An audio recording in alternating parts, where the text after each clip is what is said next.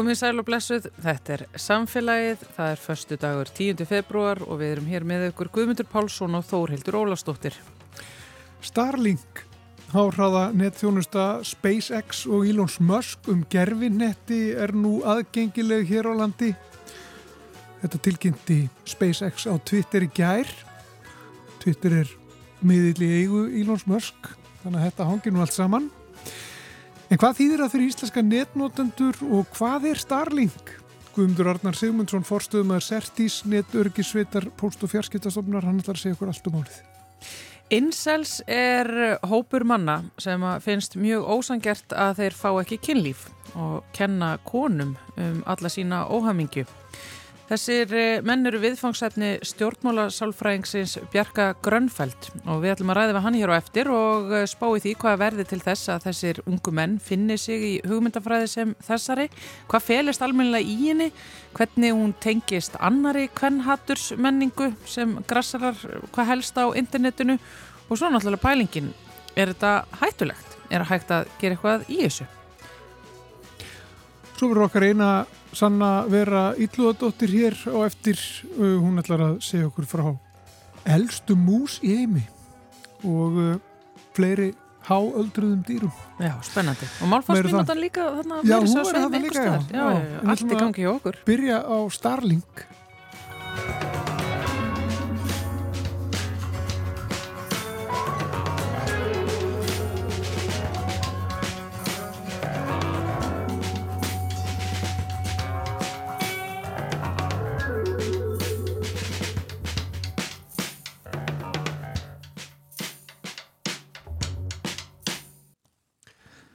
Þannig sestur hérna hjá okkur Guðmundur Arnar Sigmundsson, hann er forstöðumar Sertís sem er netörgisveit post- og fjarskiptastofnar, verður velkomin til okkar. Já, takk fyrir bóði. Við erum reyndar orðin í fjarskipta stofa hérna frá og með í fyrra, þannig að við uppfærum listan. Þá Já, vitum við það, ég ætla að punta þetta hjá mér hérna, höfum það á hreinu. En um, við ætlum að tala um Starlink. Það var tilkynnt í gæðir á Twitter uh, að Starlink er núna aðgengilegt fyrir Íslandinga. Hvað þýðir það? Er, er, uh, geta Íslandingar núna skráð sig einhvern veginn og fara að nota þessa þjónustu? Já, það er þetta hérna panta bara búnað, uh, kaupa móttöku og sendi búnað frá Starlink og býði tvær vikur. Þetta er hérna óa fæðilegt ferli, maður fer á heimasíðuna hjá þeim og slæra upp heimilisvangið heima hjá sér og þá standa til búða að fá einhverja svona standardútgáfu af gerfinhætta búnaðinum sem er settur upp heima hjá þér eða einhverju svona professional útgáfi. Ég held að verðbilið sé eitthvað frá 100 til 400.000 svo býðum við bara í tvær vikur og setur upp og mælir, mælir hvað maður nær miklum hraða. Já. En það er munurinn á þessu og öðru hefðbundinu internetsambandi eða fjarskiptarsambandi er að, að hérna, tengingin er tekin bara öll í gegnum gerfutunglið upp og niður og hérna, þeir eru að bjóða upp á e, þá meiri gagnarhraða heldur en auðvitað þekst e, í gegnum svona tækni e, hinga til. Og það likur svolítið í þessum muni á hvernig gerfutunglin virka. Og hérna, það er í rauninni eldri aðferðin við að hafa internetsambandi gegnum gerfitungli hefur verið gagvar þessum staðbundu gerfitunglum sem eru byrtast okkur bara eins og stjarná á himni. Eh, hún er ekki á reyfingu eins og maður séur oft svona gerfitungla á ferð eh, á nætum björtum himni. En þá er í rauninni þau gerfitungli eru bara upp í einhverju 36.000 km hæð mjög langt frá jörðu í rauninni fyrir svona uh, merkjasendingar upp og niður og þar að leiðandi hefur bandvít og byðtími uh, sem skiptir líka máli og er alltaf skipta meira og meira máli.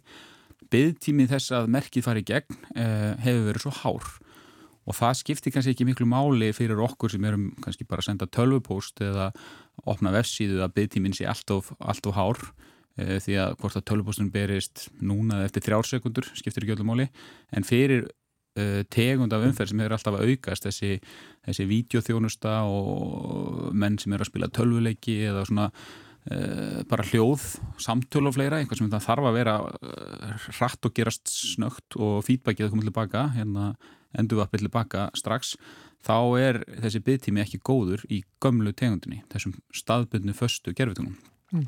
Og hvernig leysum við þetta semst gerfin þetta fjarskiptaverfræðingar heimsins, þeir leysa þetta með því að færa gerfintunglinn neðar Mm. úr 36.000 km niður í svona 1000 km og þá er svæðið sem að gerfitunglin er að tengjast og sjá orðið miklu minna mm. og þá þarfstu miklu fleiri gerfitungl en byggtímin sem tekur merki að fara upp í gerfitunglu og niður uh, lækkar svo svakalega sem er svo jákvægt fyrir alla þjónustuna að menn hafa hreinlega lagt í þetta. Og það, Starlink eru komnir, jú, en þeir eru alls ekkert reynu sem eru á þessu markaði og annað fyrirtæki sem heitir OneWeb uh, hefur líka verið á markaði hérna í Íslandi með svona tegunda gerfutunglum í einhver tíma.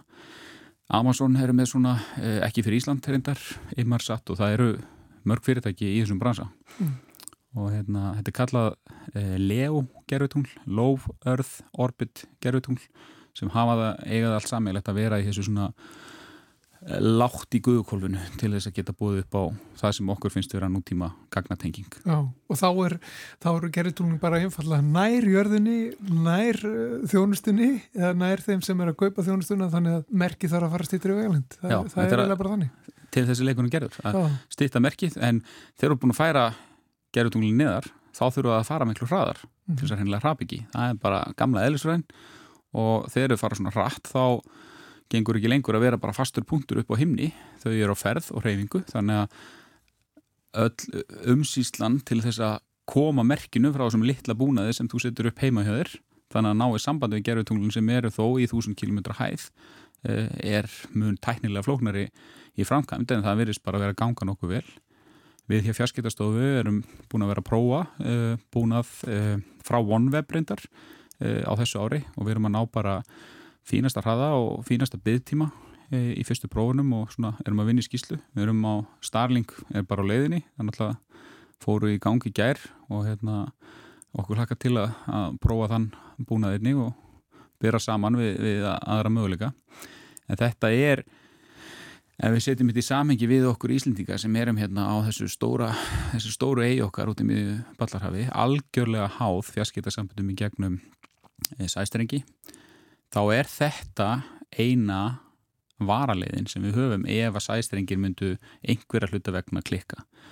Og þá er unni, þess vegna er verið að vinna í þessum tilhörnum og þess vegna er við spennt fyrir þessu möguleika að það sé þó möguleiki á að halda ágæti spandvít í gegnum þessi háraða, nú er að fyrir svolítið eftir hvað hún kemur, hvað þú telur vera háraða internet en í þessum gerfin þetta bransa þá er þetta háraða internetsamband sem býður upp á nokkur hundru, eða svona kannski 100-200 megabætt og fræðin, í rauninu svona fræðilega hámarkið í dag með þau staðlana sem er að keira á sem gerðutunglum, þá er að fara upp í nokkur gigabit og sekundu mm -hmm. En er þetta þá ekki búnaður sem að svona almenningur er að fara að fá sér veginn til að hafa heima hjá sér? Er, þetta er dýrt líka? Þetta er dýrt líka, ég held að svona e, þetta er, e, hvað kallar maður svona e, tantakan er að fara að eiga sér stað í, þessu, mm. hjá, í þessum bransa sem þýðir að þeir sem þurfa þetta og þeir sem eru rosalega háður í að eiga vara, varaleiðir, tryggja sér þetta og svo þessi svona allra helstu tækni áhuga menn eh, eru örgulega til að prófa, prófa þetta mm -hmm. þeir sem heiga peningin þetta er, eh, ef við horfum bara á, á hreinan eh, samanbjörn sko króna per bita gagnabita sem fyrir gegnum kerfið þá er þetta langt dýrasta leiðin til að tengjast, tengjast internetinu. En á móti kemur þú ert líka tengt úr allstaðar þú bara ferðið på vetnajökul, setur upp hennar búnað eða þú ert með ramagnverðan og, og þá ertu með nettengingu. Hotströndum getur þú verið nettengdur, ég veit ekki hvort það sé góð hugmynd en hérna, það er allavega möguleikin oh. og þetta er kannski svona það sem maður horfur í hvað bransin er að þróast yfir í að, að þessi hugmynd, að þessu svæði það sem maður er ekki með möguleik á tengingu, það er svolítið undanhaldi mm. það stittist í það segi ég að hérna, við getum ef við viljum verið tengt hvar sem er á nettinum Og er þá líklegt að fjarskipta fyrirtæki sem bjóða upp á nettingingu með þessum hefbundnari leiður sem við þekkjum eh, að þau fari í þetta að bjóða upp á þetta sem einhvers konar viðbótu sína þjónustöfu eða eitthvað slíkt? Mér finnst ekki líklegt að, að það veri bóðið upp á í gegnum þessu hefbundnu internetfyrirtæki eða internetveitur sem við höfum hérna á Íslandi. Eh, samningarnir eru beint við hérna framlegundun á kerfunum Íslendingar sem vilja taka þátt í þessu þeir, þeir kaupa búnaðin og þjónusuna beint af Starlink mm -hmm. uh, SpaceX Starlink heitir þetta eða Gagvart Vonweb þannig að í rauninni fer þessi bóðlið fram hjá hérna, íslensku internetvitunum mm. hins vegar gætu og það er bara svona hugmynd sem hefur verið skoðuð á ímsum vettvöngum hvort að venjulegar þjónustuveitur sem eru bara að bjóða okkur upp á internetsambandi eða bara raforku eða fleira vilji tengja sig við svona kerfi sem varaleið ef eitthvað annað klikkar.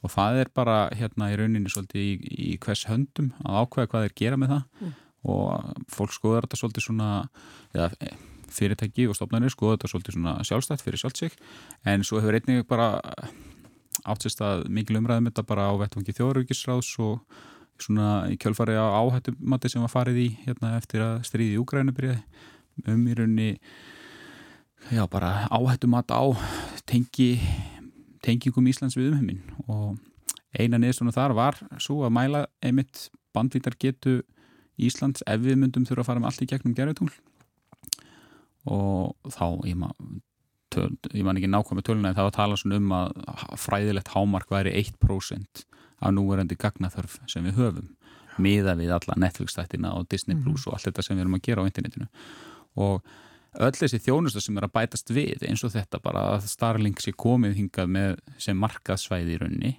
það er erfiðara fyrir gerðutunglinn sem er oftar stilt upp nær miðbögg af því það er megniða fólkinu að ná svona norðarlega þess vegna er setnið að koma hingað heldur en, heldur en við miðböginn og merkið er erfiðar að greina og senda frá sér þegar þú komið norðu fyrir 60. brittagráðu og hérna þess að mæla er með að við kaupum dýrari búnaðin hennar 400 skrónar búnað frekar en enn ódýra. Það er svona hint hint. En uh, út af þessu þá hérna þarf raunin að tryggja það að, eða mæla það að við getum í raunin fengi meira gagnamagn í gegnum þessar þessar tegund, af því hún er lítið sem ekkert háði ljósleðurum uh, og, og við getum nota þetta sem algjör að varaleið út úr landinu Já, Þa, það er náttúrulega mikilvægt og hefur verið rætt eins og konstina Já Já, með þjóðurökir.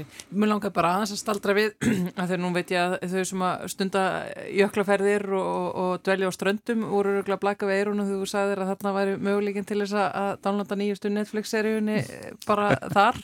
e, veist, væri þá ekki möguleiki að væri hægt að kaupa sig inn á þessa þjónustu tímabundi bara með að maður er í húsi fjölskyldunar á ströndum eða með að maður er að ganga í vatnajökul? Ég bara þekk ekki hvernig hérna það er hugsað hjá þeim. Business modelið eða maður getur leikt búnaðin já það er verið að leia búnaðin en eh, eins og stendur er þetta spurningum svona stoppkostnað að fá búnaðin einhvern veginn í hendunar og svo veit ég hvort þið séu með verður að vera með tólmánu í áskrift eða mm. hvort þú mátt bara kaupa einn dag í einu. Sem örgisatri var þetta náttúrulega frábært fyrir alla þá sem eru stundar svona. Við erum eitthvað að borgast að tala mikið um þetta þóldur því ég held að það sé kvikna en það viðskita hugmynd Já, ég held að ég, ég sendi þetta bara út til ykkur Erst að fara með börnin og hortstrandir hér er leiðin. Fyrir allan en að stóra hópmanna sem vilja endilega horfa á Netflix upp á jökli. En þetta getur líka verið öryggismál. Þetta er fyrst og fremst öryggismál. Mhm. Uh, þessi að geta hann að geta sett sér í samband. Mm. og þetta er svona fyrsta kynslu, það má horfa á þetta þannig. Og þetta er, þetta er ekkert lítill kassi og það er ekkert gaman að byrja þetta á bakinu ímyndaði mér upp á jökul. En ef við horfum bara 40 ára aftur í tíman þegar að uh, við vorum hér ung og, og NMT farsímannir voru svona bílasímar muni ekki eftir þessu? Risa klumpur, þetta var stærri en rafgemir og afi alltaf eitthvað dröslasmið eitthvað stærri baku bílarinn á nákvæmur sambandi. Þetta eru fyrstu farsímannir, þetta er 1G svo kemur farsíminn svona Nokia hérna fyrstu símandir og maður var bara með þetta í vasanum þetta var alveg bilding og það er tökki svo förum við svona færa okkur út í að fá internetsamband sem er 3G svo kemur vídeo sem drefur það, það ræður ekkert við að senda vídeo, þá kemur 4G og laga það. Og 5G er að laga þennan byggtíma og það, þetta hefur verið að koma svona 10 ára fresti, næsta kynnslóð alltaf. Og það má ekki gera ráð fyrir ég eitthvað fastlega með því að þessi stóri struktúr sem þarf til að tengjast fyrstu kynnslóð af, af þessum low earth orbit gerfitunglum sem eru í, í svona láflugi það er stort og klunalegt en svo munum við bara á næstu áratugum fá þetta niður í símtækin. Ah. í stæðinni Já, það er með þess að komnir litlir kuppar sem passin í símtæki sem geta að tala við gerfitungl það er svona fyrsta fyrsta kynslu maður fær ekki frið. En, en sko þetta að þetta liggur sko, svona látt þetta er þetta nálagt jörðu og ferum á þessum ógnarraða þetta er sínilegt frá jörðu Þetta er sínlegt, já. Og þú hefur sagt okkur frá því, þú, þú hefur séð þetta. Já, mér leist ekki á bleikuna. Ég var bara eitthvað að leipa hundunum út í Mósusbæ og hérna horfa á stjóðurbota heiminin og svo sé ég bara í minningunni, þetta var bara svona 14 stjörnur frá mínu sjónarni séð bara með sentimetri smillibili alveg í rauð á flegi ferð, þetta var bara jábröðulegst þarna uppi, ég bara eru geimveröðnur að fara að ráðast á okkur núna eða hleypin alltaf inn og beint á Google og spyr út í hvað þetta er og þá er þetta eh, Starlink gerfitungla hérna mm -hmm. gerfitunglin eða í rauninni þessi röð sem sér um þetta sveið, þá hef ég bara séð glitta í þau og svo kvarfita sjónum mér og Google saði bara undirbú okkur fyrir það að þetta verði mjög algeng sjón á himni, næturhimni mhm. hérna eh, inn í framtíðina. Oh. Því þetta er það sem þarf til að geta e, bóðið upp að hárað internet á, í gegnum gerðutúlu öllum þessum svæðin. Já, sko maður, þú getur náttúrulega ekki keiftir aðgang að af him, himnur, himnunum, svo, eða himminkólfinu eða hvað maður kallar þetta, hálóftónum Nei, nei. það er erfitt um, þegar þú komið þetta háttu upp en er samt svona nálagt jörðu sko máttu skjóta hvaða dóti sem er upp og, og bara leifa því að, að ringsóla eins og þetta eftir hug þekkir það? Þarna nærðið mér bara í bólunum sko. ég, ég velti þessu fyrir mig líka. Ekki, ekki þín sér, sér Nei, ég, sko, þetta hérna uh, þarna eru við bara farin að virkilega þurfa að stóla á þessi þessi alþjóða lög og reglur að lönd heimsins getur komið sér saman um leikreglur. Uh, þetta er mjög skýrt eins og í okkur. Þessi gerfitún er ekkert frábröðin Wi-Fi-inu heima okkur eða því sem kemur úr símanum okkur. Þetta er að tala á einhvern svona bilgjulengdum og á Íslandi er það fjarskiptastofa sem ræður hverjir fá útlutað að mega tala hverju tíðni. Við erum að tala hérna í útarpinu sem við getum gert að því að það má engin annar tala á tíðninni sem útarpið er sendt út á. Og þetta þarf að passa og ég veit ekki nákvæmlega hvernig lögjafar heimsins taka á því eh, að gerfitung geti unnið ákveðinu tínum út um allan heim eða, eða yfir landamæri. En það er hérna eh, til samband sem heitir Alþjóða fjarskiptarsambandið sem heitist reglulega og oft og er mjög virt einmitt að ræða þessi mál til mm. þess að reyna að tryggja það að ákveðna tínir séu til taks innan allara landa fyrir allar tegundur fjarskiptum svo að framlegendur búnaðarins geti stóla á það að búnaðarinn muni virka alls þar og þetta snýst rosalega, okkar bransi hérna fjarskiptafræðingarna snýst rosalega mikið um það að staðla hluti og fylgja stöðlum svo að sé ekki allir að búa til sitt eigi kerfi út í sínu hotni mm. þannig að það virki bara í sínu megin kassa og hverki annar staðar. Og hugmyndur um lögsög og, og, og þess að það uh, kvikna einhverjar hugmyndur um það þegar svona er, þegar að þú út með sko, eitthvað sem að sendir uh, merki niður, niður sem eru nótið til þess að, að já, sækja og senda upplýsingar og gögn. Já, það, það er kvikna þú, þú ert bara að kveikja, kveikja forveitis hugmynd hjá mér, ég verð með betur svörfið þessu næstir hér er Kvikna margar hugmyndir hér. Eitt bara örstutalokum er þetta örugt sko fyrir, fyrir nótendur, vitu við það? Já, bara alveg eins og hvað annað. Það er alveg hægt að hlera gerfinhættasambund eins og önnur sambund að heyra bara hvað fyrir fram á á bylgjunni en það er líka að gera það í fassimum og það er að gera það á ljósleira ef mann komast inn á það. Þess vegna eru flest internetsanskipti dölkóðuð ofan á undirliggjandi kanalin sem er þá í rauninni þetta gerðutunglarsamband. Þetta er bara jafnörugt og hitt í mínum huga. Já. Ekki, ekki örugt en, en nóörugt kannski. Nóörugt. Við treystum þessu. Já, við treystum því. Guðmundur Arnar Sigmundsson fórstöðum að Sertís sem er neturgisveit fjarskiptastofu. Takk fyrir komuna í samfélagið. Og hér eftir ætlum við að fjalla um einn afkjöma internetsins eh, sem eru insels um, skrítin hugmyndafræði en eh, verðst að gefa því gömum. Við ætlum að fyrst að fá eitt lag.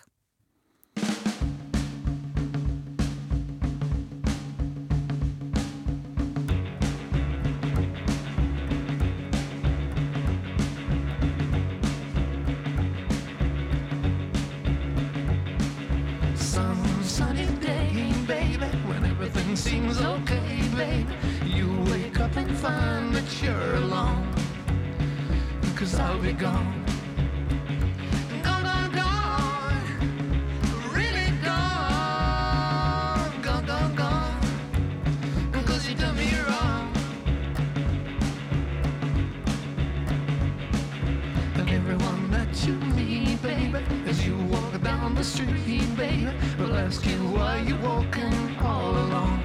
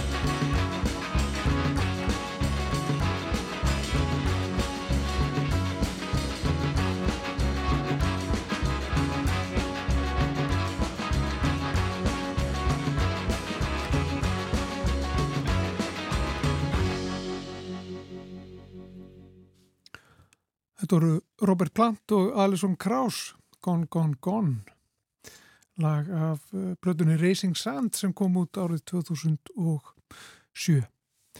En áfram höldum við hér í samfélaginu. Hjá mér situr Bjarki Þór Grönfeld, stjórnmála sálfræðingur við Háskólan á Bifröst. Sællertu. Blessuðu sæl. Bjarki, þú hefur rannsakað eh, incels. Mm. Um, Þú verður að byrja alveg að byrja hérna fyrir hlustendur okkur. Hvað eru incels? Já, það er ekki fyrir það að fólk sé um, kannski svolítið lengi átt að segja eða finnist erfitt átt að segja á því. Incels sem stendur fyrir involuntary celibate á ennsku sem mætti því það sem skilífur gegn vilja sínum og þetta er svona internetreyfing sem að má í rauninni lýs í dag sem um, svona mjög stækri kvennhatursreyfingu sem að þrýfst, já, fyrst og fremst á netinu en einstakar sinnum þá brýst þetta fram í dagskiljósið og það hafa verið uh, nokkar hriðverk ára sér gerðar bæði bandarækjum og Breitlandi þar sem að til vísa í þessa hugmyndafræði. Og um, grunnurinn í hugmyndafræðinni er að um, samfélagið eins og þeir í dag sé bíaserað eða sé sem sagt hafi snúist gegn köllum og feminismin sé unni samsæri gegn köllum og sérstaklega köllum eins og uh, þessum sem lýsa sér sem incels sem að líta svo á að um, í sagt, gegnum tíðina hafi orðið þjóðflagsbreytingar mm. sem gera það að verkum að uh, viss hópur kallmana hafi ekki lengur aðgengi að sagt, kynlífi eða sambandi við uh, konu og þannig að þeim líður eins og þessi hlutur því þeir lítar unn á kynlíf sem ákveðin gjaldmiðl ákveðin fasta mm -hmm. að hafa verið tekin af þeim þannig að þeir eru drifnir áfran af þessari reyði sem að blossar upp í þér þegar eitthvað sem þú telur og þú er rétt á er tekið á þér. Já, já, þannig að samfélagsbreytingar og, mm. og mhm. valdkvenna yfir eigin líkama og eigin lífi að það hafi rauninni bytnað á þessum hópi. Já og þeir sagt, byggja á uh, óbáslega nostalgískri heimsmynd sem sagt, þeir líta svo á að í gam, hérna gömlu góða daga hafi kynalutverkin verið mun skýrari já. og hjónabandið og einkvæni hafi verið þar stopnari sem gerur það að verkum að allir kallar hafi rauninni átt rétt á kynlífi eða samlífi eða hjónabandi við konu og það, þá hafi verið ákveði jafnmægi í samfélaginu mm -hmm. en með frelsun kvenna með því að konur gáttu eins og þú segir að fara að taka ákvæðanur um einn líf að þá hafi þær ákveðið að þess að rauninni laða spara að þeim köttum sem eru mest aðlaðandi mm -hmm. og skilja þessar þess að þá incels eftir og incels er trúa á óðbóðslega skýrt stigveldi á meðalkarla, þetta er mjög svona Þetta er hugmyndafræði sem gerur henni ráð fyrir því að sko þú hálpættin fæðist inn í ákveðna, ákveðna tegund eða ákveðna stjætt karla. Mm. Efst á toppinum eru þeir sem mætti kannski kalla alfas. Það eru svona kallatnir sem eru vöðvaðir, eru stórir, eru með flotta kjálka, flott kinnbein, uh, stæltir og svona öryggir í samskiptum og það séur unni eitthvað sem þeim bara meðfætt og konur laðist náttúrulega að slíkun típum og þetta eru svona efstu 10% í aðlöðunarskaðalanum eða í hérna í samt, semst, meðal karla og svo fer þetta svona uh, niður, semst, þessi, að, þessi aðlöðun uh, semst, fer, er, uh, fer niður og um, þar eru karlar sem eru kannski ekki eins aðlaðandi og ekki eins öryggir en taka einhvað sigur þátt í þessum svona kynferðslega efnahag út af því að þeir láti undan konum, borgi fyrir þær og séu ykkur neinn bara svolítið upp á konur uh, komnar komnir fyrir geðu og svo þegar eftir því að það fær neður í steganum þá er rauninni verður sagt, uh, þar mingar aðlunin ennþá meira. Og þeir líta svo á að þeir séu á botninum og þeir séu rauninni, konur séu ófærar um að finnast þeir kynferðslega aðlæðandi og það er að leiðandi missa þeir af þessu, þú veist, þeir, miss, þeir líta svo á að þeir hafi mist af svona ákveðnum hlutum í lífinu sem að er eitthvað í menningun eða eitthvað í samfélagin sem segir að við eigum að upplifa þegar við erum úlingar, þegar við erum kynþróska, þegar við erum uh, að byrja fullónisárin uh, í þeirra tilviti þá að missa svinduminn, fyrsti kossin og svo framvegis. Og þetta eru þá yfirleitt ungir menn svona í kringum tvítugt, dansa öru hverju megin við sem að líta svo á, eða finnst þeir vera á þeim stað að þeir séu búin að missa þessu öllu. Já. og það sé, það sé konum að kenna á þessu svona samsæri feminismans Þetta hljóma náttúrulega eh, mjög eh, fyrðulega en það er náttúrulega til margt mjög skrítið og, og, og jáfnveil asnalegt á internetinu svo sem okkur er við að gefa innselum uh, einhvern gaum? Sko, mér finnst mikilvægt að þessu sé gefin uh, ákveðin gaumur út af því að þessi strákar, þetta eru strákar sem að ef þú skoðar hvað þið segja á netinu þá er það strákar sem uh, hafa oft lendi einelti, verið útundan eru með uh, látt sjálfströst haldnir ákveðni sjálfsfyrirlitningu líka og ég held að það sé svona algengar en ekki en þessi strákar sem enda á þessum stað þeir fara á netið uh, í reytastuðningi og það er ekkert að því að leita þessi stuðningi á netinu, það er mhm. mörg frábær spjallbár, það er fullt af óbáslega flottu dóti á YouTube eins og við þekkjum og skemmtilegu og neitsamlegu og allt þetta. Já. en þeir farin á þessu spjallborð í leita sögurum af hverju líðið mér svona illa? Og þú rampar inn á svona spjallborð sem að hérna, býður þér óbáðslega skýrsvör og það eru hérna, dæmið um það að þú bara reynilega fái að senda en glærupakka. Þú veist, þér líður svona ok, og það er út af því að konur hafa komið svona og svona fram með þig og þetta sé allt sko ákveðið samsari og í gamla daga hef, ef þú hefði hef verið uppi fyrir 50 árum síðan þá hefði þér ekki liðið svona því þá verður orðin, þú veist, ættir úr konu En það líka verið bara að segja þeim að þeir séu ljótir og, mm -hmm, og, og, mm -hmm. og óaðlandi mm -hmm. Sko, þetta er nefnilega, það er það sem að gera þetta eiginlega ennþá svona skrítnar, þetta er svona þetta er, þú veist, þeir sem eru kom svo mjög djúft sokrir í einstaklega þeir eru uh, eiga í óbúslega svona yfirborðs kendum samskiptum við svona þessa uh, hérna þess að heina strákana sem eru á spjallborinu og eru svona sagt, á þessari skoðun. Og þetta er náttúrulega, þetta er óbærslega svona uh, skrítin staður, þetta er náttúrulega allt sko nafnlaust og þeir eru þarna af einhverju sammeilari ástæðu en eru greinilega allir að glýma við eitthvað mjög mikið svona mikla innri flækju og þeir eru óbóðslega hérna þeir hugsa óbóðslega mikið um útlill útlill skiptir öllumáli hjá þeim og hérna það eru ymmis mjög svona sjokkar en dæmi um það að það sé verið hvetja til heimagerðara lít aðgerða sem er nota já, heimagerð tæki til þess að framkama breytingar og andlutin á sér og alls konar sko þannig að þetta er svona dæmi um þetta kannski, það byrjar, þú byrjar á því að leita þarna inn, skiluru og svo ferðu úr einhverja kaninuhólu og kemur út á einhverjum stað sem að þið hefði kannski ekki órað fyrir sjálfum sko já. Þetta, þetta hljóma þá er einhvern ræðilegu staður til þess að vera á og, og, og ræðilegt að þessum ungu mönnum líði svona illa og, og þá vonda að lenda í klónum á þessari hugmyndafræði. En þú segir líka að það sé sko, þetta snýst ekki bara um að, að grýpa drengi sem að líða illa heldur, er þetta líka hugmyndafræði sem að hvetur jáfnvel til hættulegar hegðuna mm -hmm. þegar þú talar um að þeir hafa mm -hmm. úr, incels mm -hmm. hafa fram með riðiverk. Já og það er náttúrulega kvart til ofbeldis og nöðgana á þessum spjallborðum sko, það, það eitt á sér er náttúrulega bara öryggisókn fyrir almenning. En hversu útbreytt er þetta? Hversu margir er í þessu? Þetta er internettreyfing og fyrst hérna þannig að það er erfitt að segja til um hversu nákvæmlega, eða hversu margir eru nákvæmlega í þessum spórum en það var, uh, það eru nýleg gögn sem að hérna, ég sé það sem er talað um að síu kringum 700.000 manns virkir á svona spjallborðum á, í heiminum öllum. Já um, þannig að það uh, ég voru oft, oft spurður hvort ég telja svona sé til á Íslandi. Svarað er ég veit það ekki sko, ég, ég hérna, vinn ekki mungu fólki þannig að ég veit svo sem ekki hvað hverju trendin eru hjá þeim. En þetta er ógsinn það að taka alvarlega og það var hérna það var kannski svona þekktasta hriðverk árásin sem að hérna um, hefur verið gerð í nafni þessar hugmyndafræði er uh, strákur á nafni Elliot Rodgers sem að framti skotar á sig Kaliforni 2014 Já.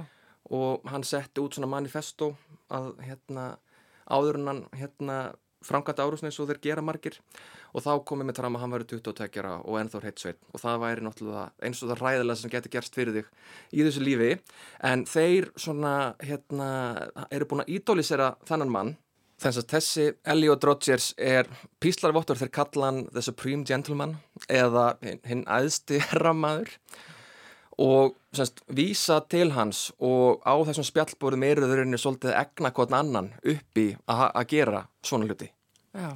Það er mikið rætt um svona skadlega karlmennsku og að karlmenn, karlmenn eigi, eigi erfitt. Eh, er þetta þá einhver hluti af því mengi eða, eða, eða er þetta einn byrtingamyndi eða hvernig fellur þetta inn í alla hýna umræðuna sem við eigum mm -hmm. um, um strákan okkar og, og, og þeirra líðan og, og upplifun á sjálfu sér. Þetta er einn angi en eins og við erum búin að fara yfir þá margt uh, ólíkt við þetta Já. og það sem er rauninni sko við erum búin að komast að í þeim rannsóti sem ég hef hérna verið að stunda við hálskólinni Kent í Englandi er það sem að skilur um, insel hugmyndafræði frá flestum öðrum svona kvennhaturs hugmyndafræðum er þessi áherslu á samsæriskenningar. Ah. Þú veist, það er þessi hugmyndum að það sé stórt samsæri í gangi gegn köllum framkvæmt af konum og það er ekki endilega hlut af öðrum sambarlegum svona kvennhattustreyfingum af því að samsæriskenningar eru svo áhugaverðar af því að á meðan þú ert að líta niður okkur nópi þessu tilfelli konur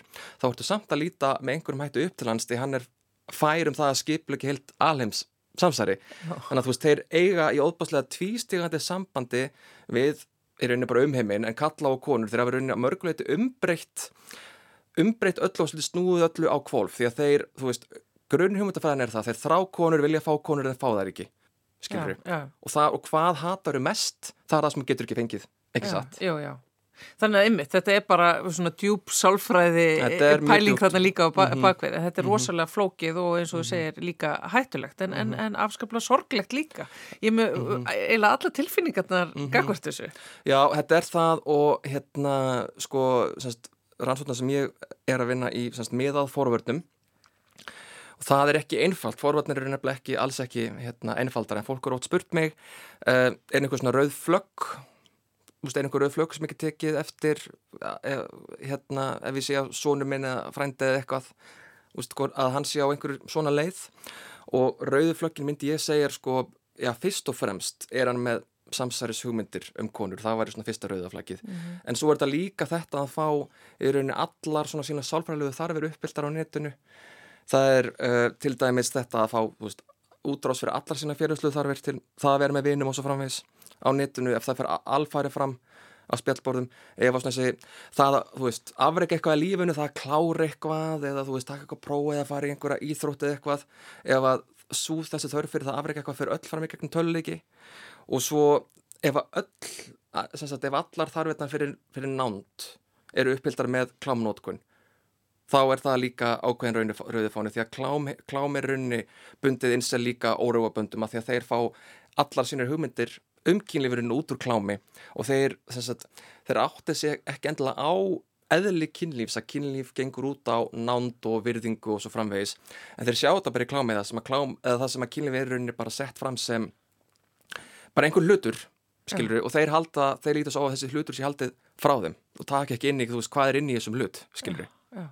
En sko, Bjarki, að þú er skoðað þetta, rannsakað mm -hmm. þetta í doktorsverkefniðinu og ert sérfræðingur í, í þessum afkima eh, sko, en, en af því að þetta er svo gjörsamlega einhvern veginn út úr kú og þetta er svo, svo öfgakent og, og, og, og brjáleðislegt einhvern, einhvern veginn veist, er þín sérfræðiþekking nýtist hún eitthvað í bara svona almennu samfélagslegu umræðinu um það hvernig við getum stuttist rákan okkar og hvernig við eigum að taka samtalið eh, hérna, veist, á, á milli þessara núnings mm -hmm. sem að er að eiga sér stað allstar, mm -hmm. bara allt það sem að Jordan Peterson og þessi mhm. Andrew Tate og bara þessi kynja umræðu öll mhm. einhvern veginn er í lofti með.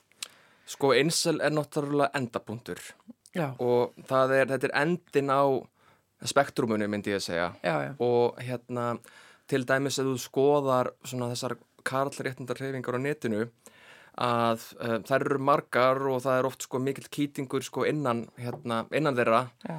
og mikil átök á milli þessar hreyfinga. Þó manni finnist þeirri hugmyndafræði að vera einhvern veginn nánast alveg svo sama þá er oft sko bara svona stríð á netinu á milli þeirra sem er í þessum hópa hinnum hópnum.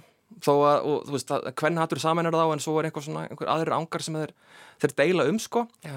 Og en í öllum þeim hreyfingum er rauninni gert ráð fyrir því að sko, þú veist, einhverju svona fjölskyldulífi sko, þú veist, þú sért skilur hérna fjölskyldufaðurinn og, og þú þurfur eitthvað að venda konuðinn og venda bönniðinn og setja eitthvað sterkjumadurinn sko, einsel setur það svolítið út úr, sko, þeir sjá það svolítið sem hluta af fortíðinni, að það gangi ekki lengur, skilur við og hérna þetta er einhver braut og ég held að það geti verið bara svona, eða horfur þetta út frá einstaklingnum það er öruglega svolítið hipsum haps hvar þú, sko þegar þú ferð inn í þetta mannkvel á netinu sem er kallað það er oft öruglega hipsum haps hvar þú kemur út sko, einsel er ein leiða sem getur komið út Já. og það er þá kannski fyrst og fremst ef þú ferðangað inn sem mjög ungur einstaklingur, Já. mjög ungur og reyður einstaklingur sem finnst um, gert á þinn hlut og eitthvað tekið þú átt rétt á þá ertu kannski líka til að fara á þá braut en svo ef aðstæðinar eru öðruvísi ef þú átt vini og ert vinsæl og ert jafnvel farið kannski einhver aðtekli frá hinukinninu að þá ferðu út á einhverjum öðrum stað, þá getur þú komið út á svona meira svona það sem er kallað men, men's rights activist sem er ákveðin hópur,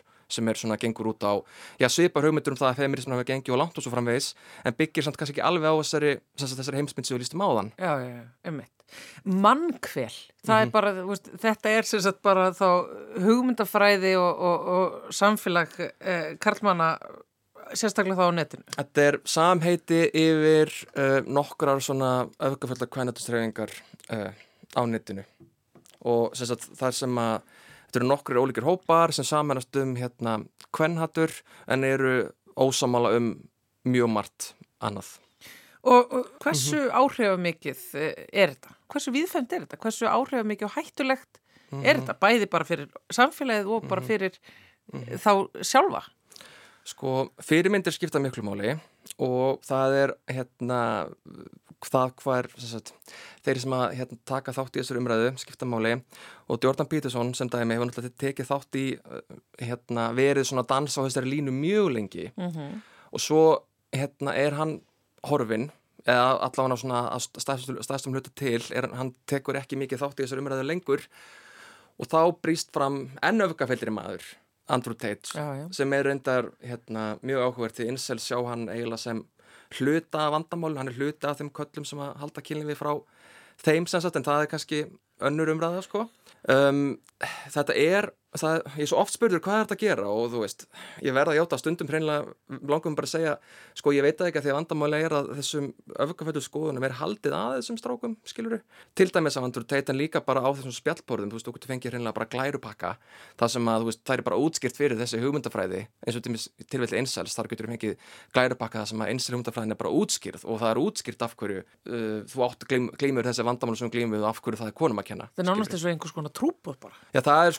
incels hafi mörg svona, það er mörg enginni sem minna á uh, sértrúasöfniði. Já. Þetta er sann svo flókin heimur, maður veit eða ekki hvort þetta sé umræða sem að maður er að taka. Ég veist, er þú að taka þessu umræða? Er þetta að fara inn í framhalskóla eða uh, grunnskóla? Er, er verið að fá það til þess að ræða þetta? Eða, eða, eða, eða er þetta of bara ymmit, mikill afkými og, og þú náttúrulega fræðimaður í, í háskóla? Vandamálið er að því ég hef stúderað uh, svona hugmyndafræðir að þegar þú ert komin kannski á þennan stað þá ertu óbóðslega mikið í vörð. Þú veist, þú ert alltaf svolítið, þú ert alltaf að leita eftir einhver sem er að skora þig á holm, skiljur þú veist, og þú ferð upp á afturlappirnar þegar það mætir einhver og segir þér eitthvað annað. Já, þannig að þú ert og, bara ekki að fara að ná eirum. Þessa... Ég veit ekki, en það sem að sko verkefni er í samt gengur út á er að við ætlum að finna hannaforvarnir og við ætlum sem ábyrgir félagsindamenn að gera það eins vil og við getum og ekki fara með það í skóla fyrir við vitum að við erum allavega að gera, allavega og þess að það sem út af þessari tengingúi sem er lísti áðan á milli einsæriskóðuna sérstaklega og samsæriskenninga við erum lítum á að samsæriskenningar um konur séu svona fyrsta stíð Já. og þar ef þú ert komin á þann stað þá getur þú sofa á stónu kanninuhóluna og komið út einhvers annar starf sem vilt ekki vera Já. þannig að sem við erum að reyna að gera við erum að reyna að hanna forvarnir sem byggir raunir sko á semst rannsóknum á hérna eh, bara svona almennu samsæriskenningum og sérstaklega sko anstöðu bóluefni Já. að okkur langar að sjá hvort við getum hannað yngreip sem kennir svona ákveðna gaggrina hugsun um samsæðiskenningar gagvat konum þá sérstaklega. Og það byggir á hugmynd sem að er, já, frekka gömul í alls konar félagsýstundum sem heit, er rauninni kallað bólusettingakenningin og hún snýst ekki bylinu sem bólusettingar sem er sprautað í handlíkinu að þeir heldur er hugmyndin svo að þú sétt svona, hugmyndin er rauninni algjörlega á pari við bólusettingar til litunum til að þeir eru gefin svona veikluð útgáfa af samsæðiskenningu sem að þú ert látin takast á við og smátt að smátt þróa með þér svona ákveðið sálfæðalegt ónami eins og við þróum með okkur ónami frá bóluefnum sem eru sagt, bara vírusin í veiklari mynd. Já. og þetta virkar. Og það er hægt að hjálpa fólki að í rauninni um, hvað segir maður? Uh, uh, líta á samsæðiskenning með gaggrínum hætti og trúa þeim, trúa þeim ekki og trúa allan ekki strax með því að kenna gaggrín hugsun út úr því að láta þið takast á við svona veiklaða útgáfu á samsæðiskenningu, skilur þú? Já, bara svona svipað eins og maður bara lætir ekki auðlýsingar selja sér hvað sem er. Já. Bara, maður lærir það. Já, já. Þannig að það væri þá sko, ef, ef við gætum stoppað á þessum fyrsta stað, já. þá kannski gætum við komið í vekk fyrir að fólk endi á einselstanum, skilur við. Þannig með því að þróa einmitt þessa aðferð sem er svona forvarnar aðferð, en bólusetningar, félagsfræðileg bólusetning, já, akkurat, er það þá bara, veist, þú myndist á tölvuleik bara eða veist, einhvers konar tölvu útgáfi sem að hérna væri hægt að setja fyrir framann unga menn? Þetta er sko, þetta, það hafa verið gerðið nokkri svona tölvuleikir sem og hérna bæði, það var náttúrulega mjög mikil umræða hérna þegar Donald Trump var fórsitt um falsfrittir, mm -hmm. það var gerðið tölvuleikur sem að kendi fólki að takast á við uh, þær, mákets árangri uh, og svo að hérna samanskapi var gerðið samt bara tölvuleikur um bólusettingar þegar, þegar COVID kom sko Þannig að þetta er, hérna, við þurfum svolítið að mæta fólki það sem það er og kannski sérstaklega með, sko, incels, þeir eru náttúrulega búið á netinu, þetta er netfyrirbæri ja. og þú veist, það er óbúslega svona sérstak tungumál sem er talað á netinu, skilur við, ja, ja. og það er, hérna, með því að mæta fólki svolítið það sem það er og tala þeirra tungumál, það er svona hluti af því að ná, ná í gegn, skilur við. Já. Já, það er allavega að taka, taka umræðuna eins og sagt er, mm -hmm. það er nokkuð ljóst. Afar aðteglisvært að heyra þessu Bjarki Þór Grönfæld, stjórnmála sálfræðingur í Háskólanum á Bifrós. Takk fyrir komina í samfélagið. Takk fyrir mig.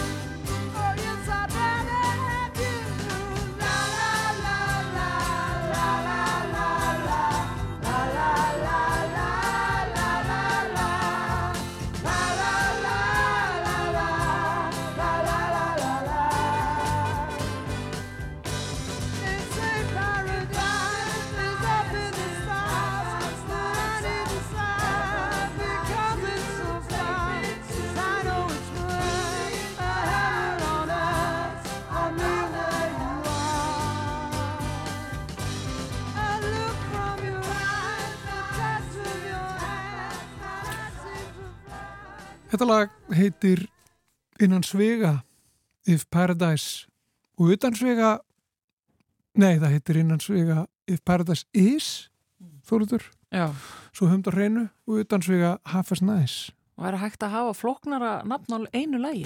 Það væri hægt, þannig getur verið skrítin tákn og ymsa tölur og svona. Já, já. þannig að það er ekki sem, bet, sem betur fyrir þóruður Við erum eitthvað á þeirri sesti á okkur, við ætlum að tala á hana eftir smá stund um öldruð dýr en fyrst málfars mínúta.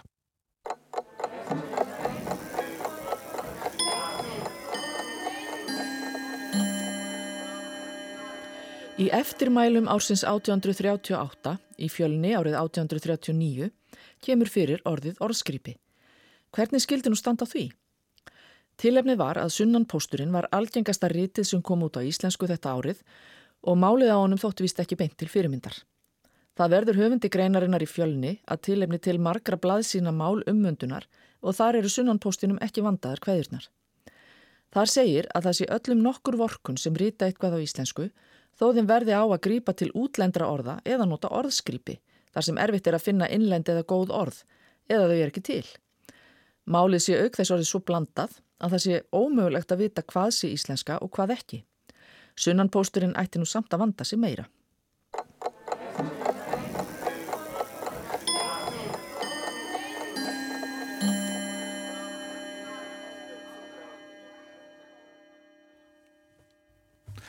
Og það var Anna Sigriður Þráinsdóttir sem að flutt okkur málfars mínútu. En Vera Ílluðadóttir er sest hérna hjá okkur, uh, þú ætlar aðeins að tala við okkur um dýr eins og þú gerir nú stundum hér í samfélaginu. Uh, Háðu mikla þakk fyrir þitt uh, góða starf. Mjög var ánæg. en uh, sko, þú, þú varst að skoða eitthvað gömul dýr, dýr sem verða, eða ná háum aldri.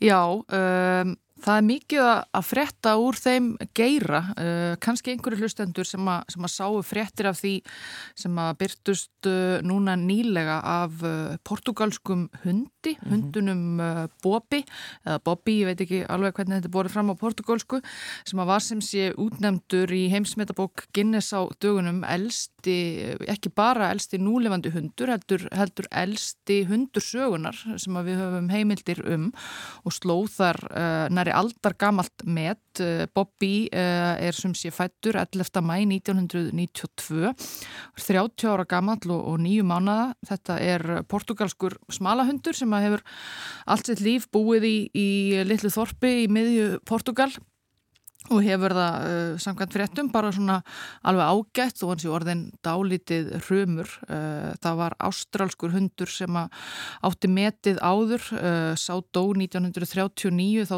29 ára gamall.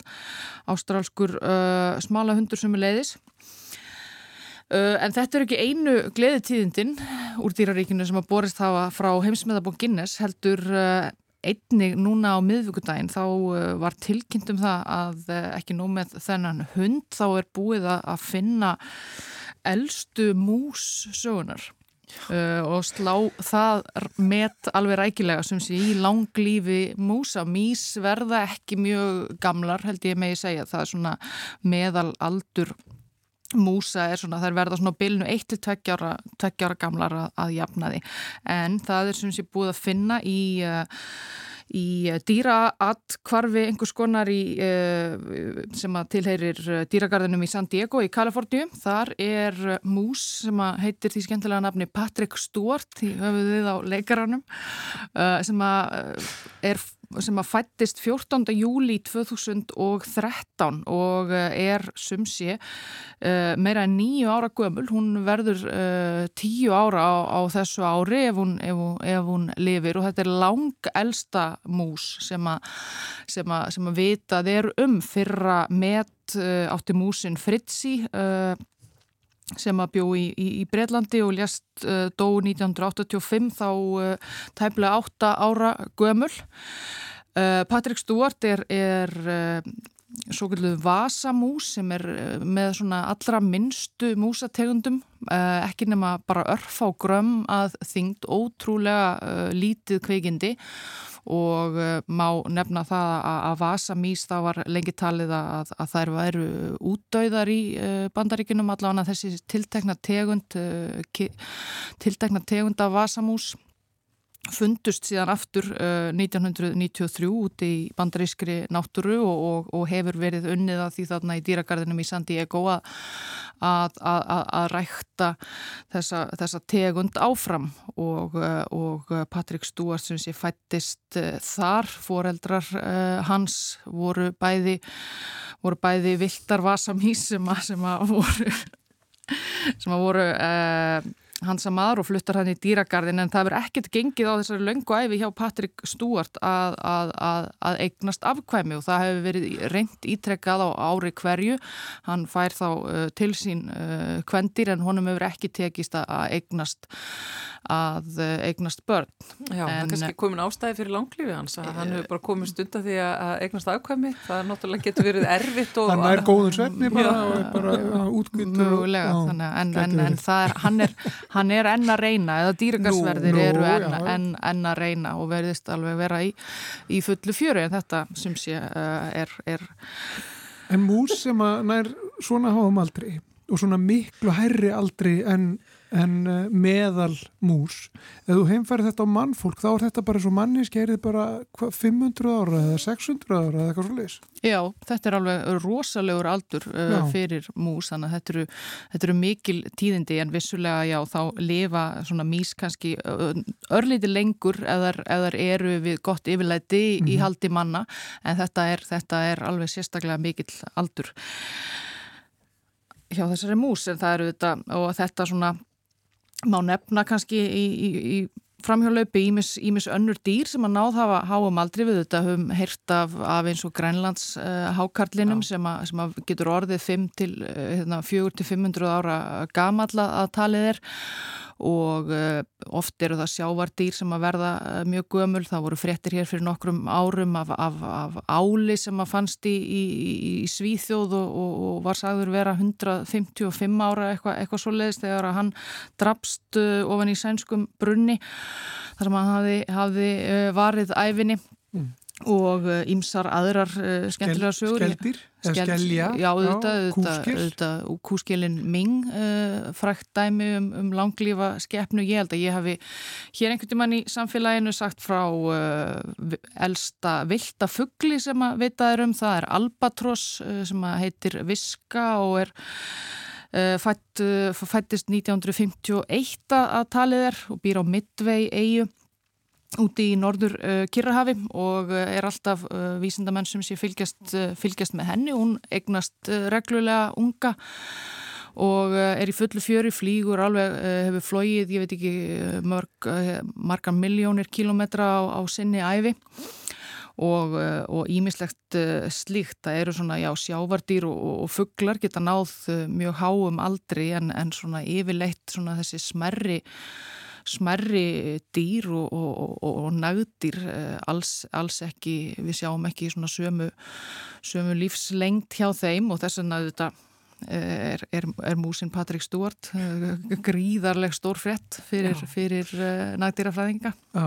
Þetta er algjörlega magna. Sko. Skjaldbökur verða nú hansi gamlar eða ekki? Jú, skjaldbökur eru einmitt með þeim, með þeim svona landdýrum sem að ná hvað hva hæstum aldrei það er, var talað um það það er talið að, að eh, skjaldbaka í, í, á Indlandi hafi, hafi orðið 255 ára gömul uh, en það hefur nú reyndar ekki verið vísindarlega staðfest uh, skilst mér en það var önnur skjaldbaka sem að, sem að dó 1966 þá 188 ára gömul mm -hmm. þannig að uh, það eru líklega mjög líklega einhverjar skjaldbökur uh, úti í náttúrunni einhver staðar á, á meðalvor sem, a, sem að hafa séð tíman að tvenna Já.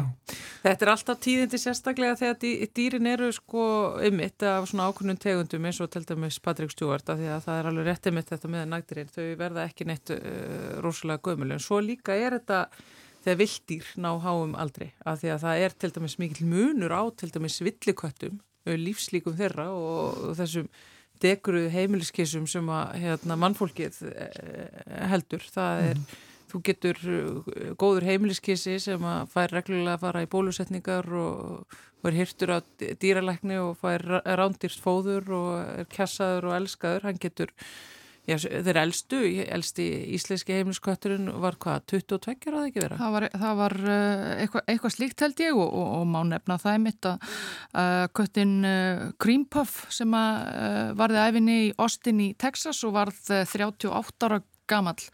Dó 2005 já, uh, þannig, þannig að sko, það er elsti kötturinn sem sko, við já. vitum um þannig að það fólk sem ætlar að taka sér kettling uh, verður að uh, vita því að það geti setið uppi meðan í næri því 40 ár. Villikettir þeir fari ekki, þeir fari ekki yfir 2 ár Þetta er magna Vera eitthvað þér alltaf gaman að fá því heimsók Ég ætla að fara, ég er hægt að fylgja þessu Patrik Stúart á Twitter.